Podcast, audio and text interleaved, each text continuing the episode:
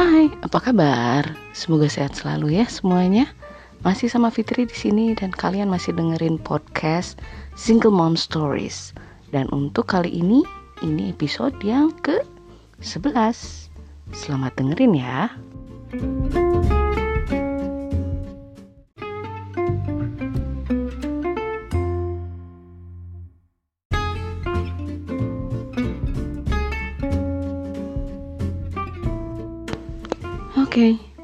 kali ini aku mau sharing tentang uh, apa yang belakangan ini aku lagi sering kerjain. Uh, mostly sih mulai nulis lagi. Dan uh, sebetulnya kalau misalnya dibilang mulai nulis benar-benar nulis belum sih masih di tahap persiapan. So bisa dibilang um, untuk proses bikin buku ini aku baru beres sekitar 30-20% jadi belum ke mana-mana sebetulnya. Nah cuma um, baru nih tadi subuh nih habis sholat subuh terlintas um, apa ya pemikiran apa sih sebetulnya yang yang yang bisa bikin kita persistence untuk ngelakuin uh, sebuah usaha gitu ya untuk ngelak untuk nyampe tujuan kita apa yang bikin kita persistence, apa yang bikin kita konsistens. Jadi persistence di sini maksud aku gigih ya, gigih, tekun. Ya memang harus ada tekad, cuma kayaknya tekad itu aja masih agak kurang gitu. Nah karena kenapa aku bilang gitu karena uh, sudah berkali-kali sebetulnya ini urusan bukan cuma urusan nulis aja. Ini dari pengalaman aku pribadi ya. Kok uh, setiap kali pengen melakukan sesuatu yakin bener itu bakalan berhasil. Cuma somehow kok sulit banget ya? Kok banyak banget yang menghambat dan akhirnya jadi bikin nggak nggak terwujud gitu. Nah dari sini aku jadi mikir sebenarnya apa sih ya yang yang jadi penghambat itu? Jadi langkah pertama yang aku ambil adalah untuk mikir nih ya untuk bisa persisten dan konsisten dalam melakukan sesuatu adalah dengan mencari tahu apa sih yang menghambat kita, apa sih penghalangnya, sumbernya dari mana, dari diri kita sendiri kah, atau dari pihak luar. Nah, kalau untuk aku nih, contoh kasusnya aku pribadi, terutama urusan menulis, ada dua sih sebetulnya ternyata belakangan ini yang bisa aku pahami bisa teridentifikasi. Jadi yang pertama itu kau yang di dalam diri uh, kan ini nulis ini aku udah berhenti blek gak nulis. Bukan berarti nggak nulis hilang banget nggak nulis ya cuma tidak merasa menulis. Soalnya kalau posting-posting di IG pasti masih nulis ya. Dulu zamannya apa ya zamannya Facebook baru muncul zamannya masih Friendster malah gitu ya. Aku juga suka posting-posting tapi bukan berupa tulisan yang aku rasa itu uh, aku banget gitu. Nah jadi yang aku rasain hmm, salah satu penghambatnya kalau yang dari dalam diri itu jadi dulu sempet ada pengalaman lagi seru-serunya nulis. Wah ide banyak keluar. Dan aku baca buku nih. Baca salah satu buku. Si gaya menulisnya ini memang beda banget. Dan uh, jujurnya bukunya bagus gitu. Dan aku terbawa banget dan kayak oh ini keren banget gitu ya. Nah akhirnya pas pas ketika aku nulis loh kok ini kok style akunya hilang gitu. Ciri khas akunya hilang Nah di sini ini jadi jadi salah satu penghambat buat aku. Ini yang dari dalam diri ya. Nah terus ada juga ternyata belakangan ini aku baru paham dan baru benar-benar mengerti gitu ya. Uh, adalah hambatan yang dari pihak luar dan justru sebetulnya hambatan dari pihak luar menurut pendapat aku ya ini ini yang yang paling besar gitu persepsinya memang ada di aku sendiri itu yang yang uh, istilahnya si actionnya dari luar dan aku memunculkan persepsi dan membuat aku mengambil sikap yang salah. Itu intinya begitu. Nah, jadi kalau dari pihak luar ini uh, istilah gini loh. Yang urusan menulis ini ada ada ada behavior orang lain yang membuat aku menghambat. Setiap kali aku maju tidak melulu dalam hal menulis. Setiap kali aku maju aku merasa oke okay, ini mau bisa jadi nih harus jalan nih. Somehow ada yang menahan. Dan aku rasa kalau setelah dipikir-pikir uh, apa pun itu, usaha apa pun itu kita akan selalu dapat resistance, selalu ada penghambatnya, selalu ada penahannya. Karena memang kalau kalau kita mau maju cuma maju aja dan berarti itu bukan sesuatu hal yang besar gitu. Ketika itu sesuatu yang oke, okay, besar dan akan bermanfaat mungkin buat banyak orang akan jadi lebih baik si penghambatnya tuh akan terasa lebih besar gitu. Mau itu dari dalam diri mau itu dari luar. Nah makanya aku yakin ini. Nah untuk yang ini untuk yang kasus ini kasus menulis ini sebenarnya nggak melulu kasus menulis, menulis ya. Untuk hal yang lain juga yang di pikiran aku ini bisa buat aku naik level hidup aku deh. Nah itu ada yang nahan gitu. Dan ternyata source-nya bukan aku. Source-nya adalah uh, apa ya behavior orang lain sikap orang lain terhadap permasalahan kehidupannya yang belum tuntas dan efeknya kena ke aku gitu. Dan itu sebetulnya harus kita sikapi dengan lebih bijak lagi lebih bijak benar-benar lebih bijak gitu. Nah itu kan jadi yang langkah pertama yang aku kerjain untuk yang aku pikir bis tips ya. Aku sebutlah tips supaya bisa persisten dan konsisten. Langkah pertamanya adalah dengan mencari tahu apa yang menghambat kita? Apa penghalangnya? Apa sumbernya? Didefinisikan apakah dari dalam diri atau dari pihak luar. Nah begitu kita sudah tahu move on to the next steps yaitu mengubah cara kita menyikapi si hambatan dan penghalang tersebut. Nah kalau balikin lagi ke contoh yang tadi tuh yang soal aku nulis yang di dalam diri uh, urusan menulis aku aku merasa uh, gaya menulis aku hilang jati dirinya. Karena aku udah baca satu bacaan yang amat sangat berpengaruh. Nah kalau untuk yang itu akhirnya sebenarnya belum tuntas juga sih. Belum aku masih harus nyoba. Karena selama ini aku baca buku-bukunya bahasa Inggris dan sebetul itu lebih lebih lebih selaras dengan uh, apa namanya gaya nulis aku gitu.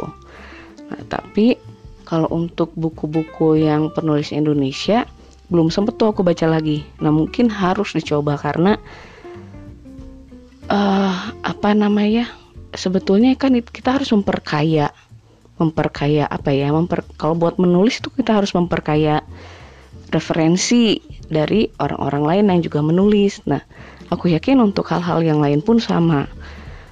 Uh, jadi yang yang paling penting di sini adalah ketika kita tahu masalahnya misalnya di dalam diri, kita coba cari cara, kita coba cari ubah cara menyikapinya. Jangan lagi menja kalau buat aku jangan lagi menjadikan hal itu sebagai blockage, sebagai penghambat tapi kita lihat itu sebagai bagian daripada proses kita untuk evolving, proses kita untuk berubah. Mungkin saja sebetulnya gaya nulis aku tuh bukannya jadi tidak mm, punya ciri khas, tapi jadi bertambah gitu, referensinya bertambah dan memang iya sih. Setelah aku pikir-pikir, oh iya juga ya, ini ini bisa jadi gaya lain, ini bisa aku terapkan misalkan untuk uh, berbagai macam karakter kalau misalnya aku nulisnya fiksi gitu ya kan bisa lebih mudah gitu. Nah itu. Jadi ubah pola pikirnya jadi lebih positif. Gitu. Nah kalaupun sumber penghalang kita dari pihak luar yang kita harus ubah sikapnya adalah kita pahami satu. Kita melakukan hal ini untuk memperbaiki hidup kita, uh, untuk meningkatkan level hidup kita. Nah, selama hal yang kita lakukan tidak membahayakan diri kita, tidak membahayakan orang-orang di sekitar kita, tidak membahayakan masyarakat umum. Nah, dan juga tidak menyakiti orang lain, baik secara fisik ataupun secara mental, ya. Aku rasa itu tidak masalah. Sisanya itu hanya persepsi kita sendiri.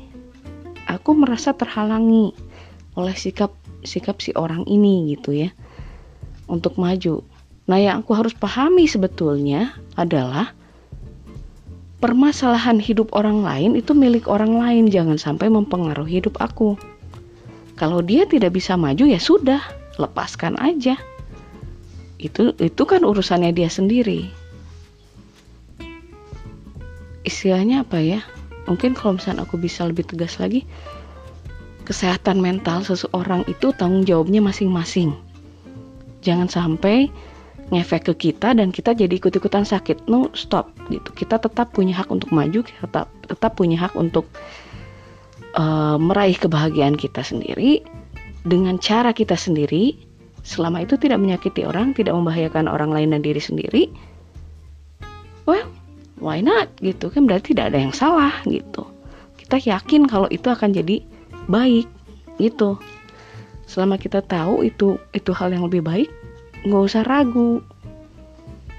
Memang pasti akan ada hambatan karena mungkin siapa tahu cara uh, usaha yang kita buat itu usaha yang belum ada usaha yang benar-benar inovatif.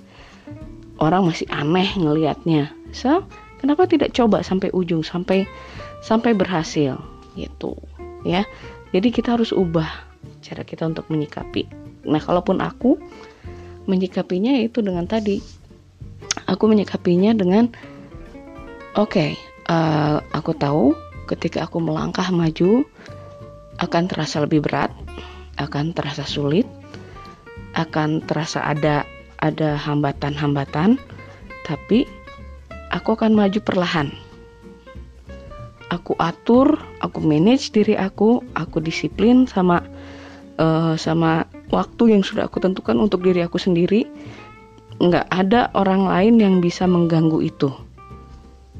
Jadi kita harus punya uh, apa namanya semacam uh, tameng untuk diri sendiri. Supaya kita bisa ada di posisi supaya kita bisa bisa tetap tetap melangkah tetap fokus gitu jadi aku fokus aja aku akan fokus. Bukan untuk egois ya.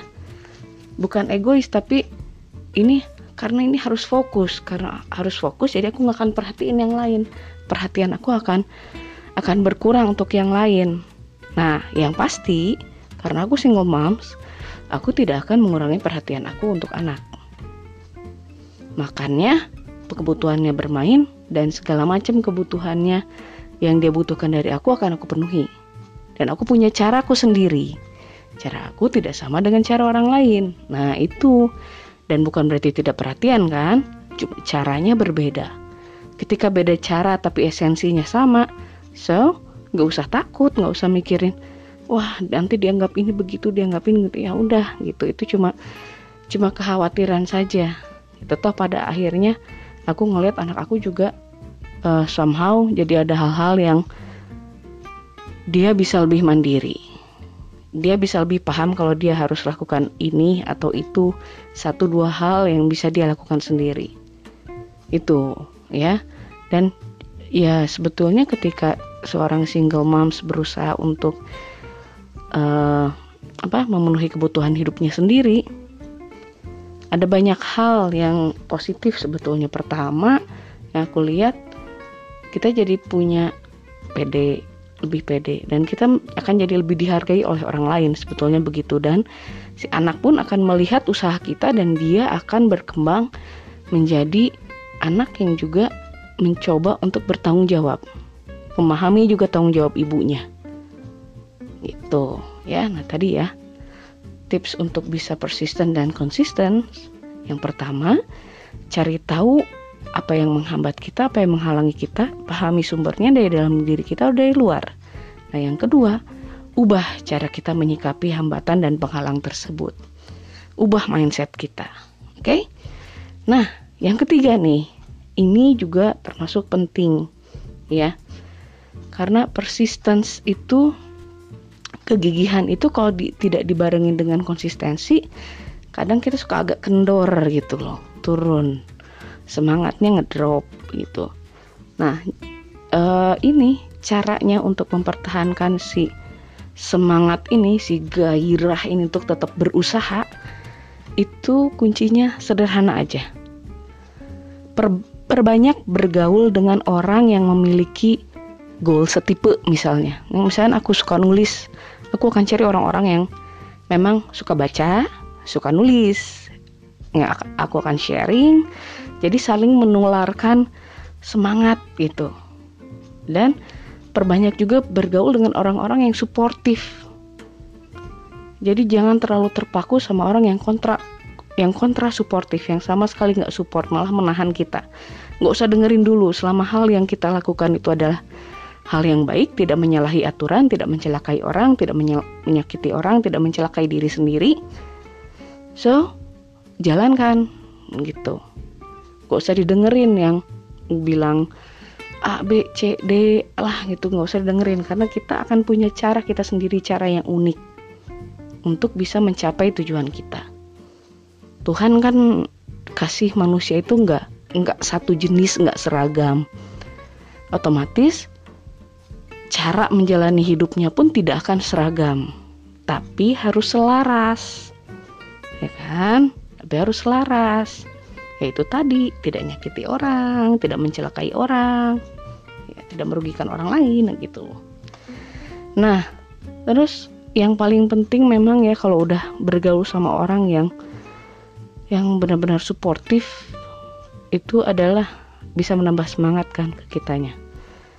Kita jadi makin terpacu, kita jadi makin yakin bahwa yang kita jalani ini possible, yang kita jalani ini bisa. Gitu. Aku sekarang seneng gitu karena uh, kenapa aku bisa dapat bisa mulai berpikir untuk menulis lagi? Salah satunya adalah jujurnya sih sebenarnya dulu tuh aku kepikiran gimana sih kalau mau nulis novel kok nggak nyampe nyampe nafasnya kurang panjang lah bla bla bla gitu ya. Dan aku bergabung dengan komunitas single moms Indonesia di sana ternyata banyak juga ibu-ibu single yang uh, pekerjaannya menulis. Dan aku tanya langsung sama mereka tanya eh gimana sih caranya nulis novel? Ya aku dikasih tahu kok belum pernah ya sama sekali ikutan uh, kelas menulis? Ya jujurnya belum pernah gitu ya. Mulai harus dibilang dibilang lah katanya. Uh, supaya ini harus bikin premis premis terdiri dari segi, cuma dari satu kalimat aja gitu. Yang merangkum seluruh cerita. Waduh bilang oh ini. Jadi kan aku dapat informasi-informasi tuh ketika kita bergaul dengan orang yang goalnya sama kalau single moms Indonesia itu berarti kan goalsnya setipe dengan aku. Aku pengen bisa mandiri menghidupi diri aku sendiri dan anak aku. Mandiri ingin bisa keluar rumah gitu. Hidup sendiri gitu mandiri. Otomatis gue harus punya penghasilan dan salah satu caranya adalah dengan menulis buku nah dari situ aku bisa ketemu orang dan kebetulan juga ketemu sama orang yang yang memang paham di, di di komunitas itu ketemu sama Mbak Dani namanya. Dia minjemin aku bukan minjemin sih tepatnya ngasih malah. Ngasih buku ke aku tentang teknik dan cara menulis novel. It's a very detailed book and I like it so much. Nah makanya sekarang aku mulai menjalani tahap per tahapnya untuk bikin buku itu gitu nah ketika kita bergaul dengan orang yang tepat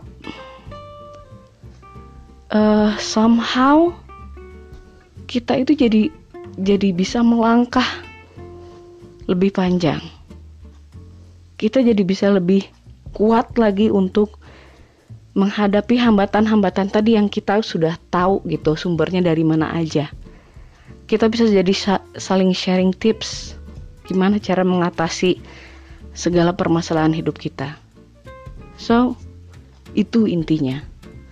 Itu caranya salah satunya. Dan aku amat sangat berterima kasih banyak ini sama Mbak Dani yang udah ngasih aku buku benar-benar bermanfaat banget. Ya, uh, aku bisa mulai benar-benar serius menulis, mengambil langkahnya harus seperti apa, mengkombinasikannya dengan kehidupan aku sehari-hari, mengatur jadwal, memanage dengan baik, gitu, menata dengan kegiatan aku sehari-hari. Mengajar tidak aku tinggalkan karena itu saat ini adalah penghasilan aku yang rutinnya ya, yang bisa bisa menyupport hidup aku untuk saat ini. Nah, so begitulah. Jadi tiga tips tadi itu untuk tetap bisa persistence, consistence. Yaitu satu, cari tahu apa masalahnya apa yang menghambat kita, apa yang menghalang kita, sumbernya dari mana, dari dalam diri kah atau dari pihak luar. Yang kedua, ubah cara kita menyikapi hambatan-hambatan itu. Ya, karena mungkin saja kenapa kita berulang-ulang gagal itu karena kita belum menemukan uh, cara yang tepat untuk menyikapi hambatan-hambatan tersebut. Nah, yang ketiga, perbanyak bergaul dengan orang-orang yang bisa menyemangati kita yang goalnya setipe ya yang suportif orang-orang positif yang bisa membuat uh, mood kita semangat kita selalu di top level selalu di level yang baik gitu. Oke? Okay? nah itulah uh, podcast hari ini. Semoga sharing ini yang sharingan aku sharing yang aku sharing hari ini bisa bermanfaat uh, bisa jadi penyemangat hidup juga buat yang lainnya. Nah, dan semoga hari ini bisa jadi hari yang penuh rezeki, diberi kelancaran, diberi kemudahan dan rezeki. Oke, okay. segitu aja. Be happy always everyone. See you.